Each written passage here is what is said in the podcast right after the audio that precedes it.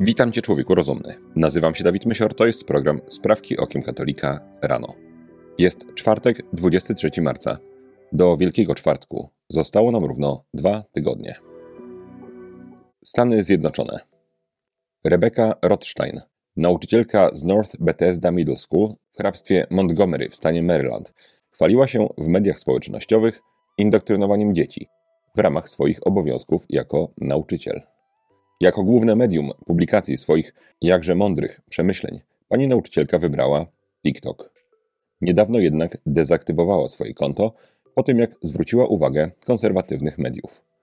Pani Rothstein określa siebie jako dumną z bycia liberałem, która musiała zrobić sobie pranie mózgu z kapitalizmu, żeby zakochać się w socjalizmie i komunizmie. Nauczycielka miała na swoim koncie szereg skandalicznych wypowiedzi, co obrazuje, jak wielką szkodę mogła wyrządzić swoim uczniom. Na przykład w jednym z postów napisała: Jako nauczyciel chciałabym, abyśmy mogli nauczać antyrasizmu i tego, jak być dobrym człowiekiem. Możemy pominąć matematykę, pominąć poznawanie nauki, na której skupimy się być może w przyszłym roku. Może w tym roku skupimy się na uczeniu naszej młodzieży, jak być antyrasistą. W innym materiale pani Rothstein chwaliła się polecaniem młodzieży literatury marksistowskiej i opowiadała o zmęczeniu po długim dniu indoktrynowania uczniów. Zdaniem pani Rothstein, jak sama napisała, zaraz po urodzeniu chłopcy powinni poddać się wazektomii, aby zmniejszyć udział kobiet w odpowiedzialności za unikanie ciąży. Administracja hrabstwa zignorowała dotychczasowe prośby mediów o komentarz w tej sprawie. W USA bardzo trudno jest pociągnąć kogokolwiek do odpowiedzialności za takie działania. Jest tak dlatego, że administracje są albo bezpośrednio zaangażowane w rewolucję neomarksistowską, albo tej rewolucji tak bardzo się boją, że wybierają postawę bierną. Ponownie Stany Zjednoczone. Sąd Okręgowy w Nowym Jorku wydał wyrok oddalający apelację na odrzucony pozew Raymonda Zduńskiego, pracownika jednej ze stanowych organizacji, zapewniających usługi oraz program edukacyjny szkołom państwowym. Powodem wszczęcia postępowania przez Zduńskiego było zwolnienie go z pracy, które, jak utrzymuje poszkodowany, nastąpiło z powodów religijnych. W 2018 roku odmówił on dwukrotnie udziału w szkoleniu dotyczącym LGBT. Podczas szkolenia uświadamiano pracownikom różnicę między pojęciami płeć a płeć społeczna oraz wyjaśniano, w jaki sposób uczucia, przekonania i wartości mogą wzmacniać opresyjność wobec takich środowisk.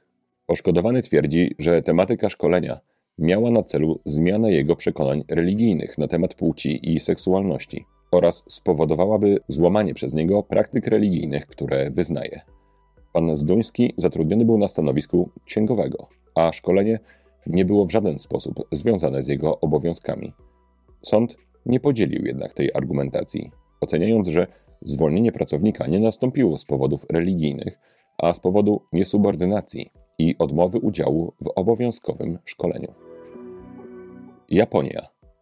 Naukowcy z Uniwersytetu w Osace w Japonii ogłosili, że przyczynili się do poczęcia siedmiu myszy, używając w każdym przypadku komórek genetycznych pobranych od dwóch samców. Dokonano tego przez zamianę komórek skóry, najpierw w indukowane pluripotencjalne komórki macierzyste, a następnie usunięto z tych komórek chromosomę Y i zastąpiono je chromosomem X. Jest to pierwszy przypadek stworzenia komórki jajowej z komórki samca. W ten sposób powstało 600 zarodków, które wszczepiono samicom myszy jako surogatkom. Z liczby 600 zarodków przeżyło 7 myszy, które miały normalną długość życia i były później w stanie się rozmnożyć. Jeden z członków zespołu, pan Katsuhiko Hayashi, powiedział, że główną motywacją do jego badań jest ich potencjał w leczeniu form niepłodności, takich jak zespół Turnera. Jednak, jak przyznaje pan Hayashi, z zadowoleniem przyjąłby również rozwinięcie tej techniki, aby umożliwić dwóm mężczyznom genetyczne spłodzenie dziecka. Niemcy i Polska. Niemiecka dziennikarka Viktoria Grossman, która zasłynęła już z ataku na Polskę za budowę muru na granicy z Białorusią, na łamach internetowego wydania gazety Süddeutsche Zeitung lobobuje za metodą in vitro w Polsce. Autorka zwraca uwagę na obywatelską inicjatywę ustawodawczą Tak dla in vitro, która wkrótce ma doprowadzić do złożenia w Sejmie projektu ustawy przewidującej refundację in vitro w Polsce. Zdaniem pani Grossman, pomimo liberalnych przepisów, prawicowo-narodowy rząd PiS w publicznych wypowiedziach odrzuca sztuczne zapłodnienie, zgodnie ze stanowiskiem swojego najważniejszego sojusznika Kościoła katolickiego. Ocena przepisów obowiązujących w Polsce jako liberalne wynika z tego, że w Polsce metodą in vitro można zapłodnić maksymalnie 6 komórek jajowych, a w Niemczech maksymalnie 3.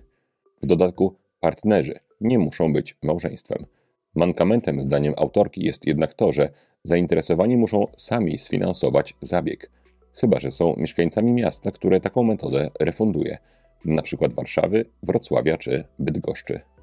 Niemiecka gazeta przypomina również, że z programu refundacji in vitro w latach 2013-2016 powstało 22 tysiące dzieci. W roku 2016 zakończono refundację in vitro. Wielka Brytania i świat.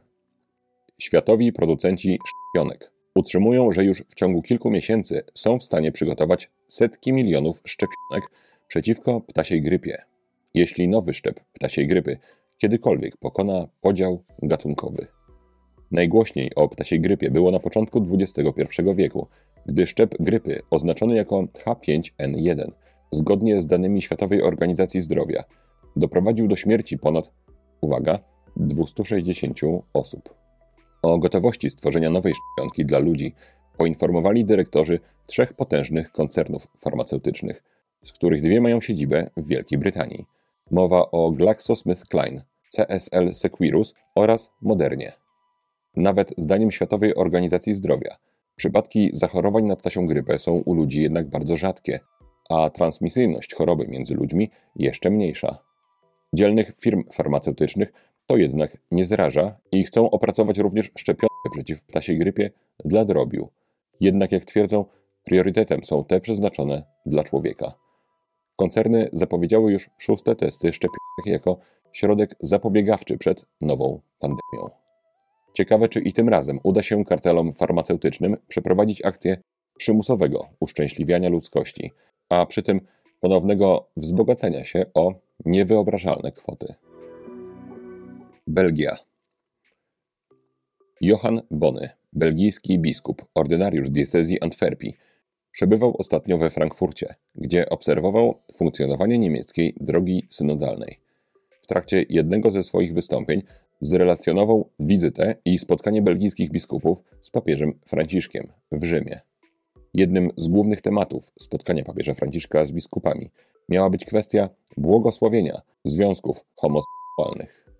Dwa miesiące wcześniej, we wrześniu 2022 roku, biskupi flamandzcy w Belgii wydali wytyczne dotyczące błogosławienia takich par. Według biskupa Bonego papież miał zaakceptować tę decyzję, zapewniając, że kuria rzymska nie podejmie interwencji, jeśli biskupi jednogłośnie będą bronić swojej decyzji.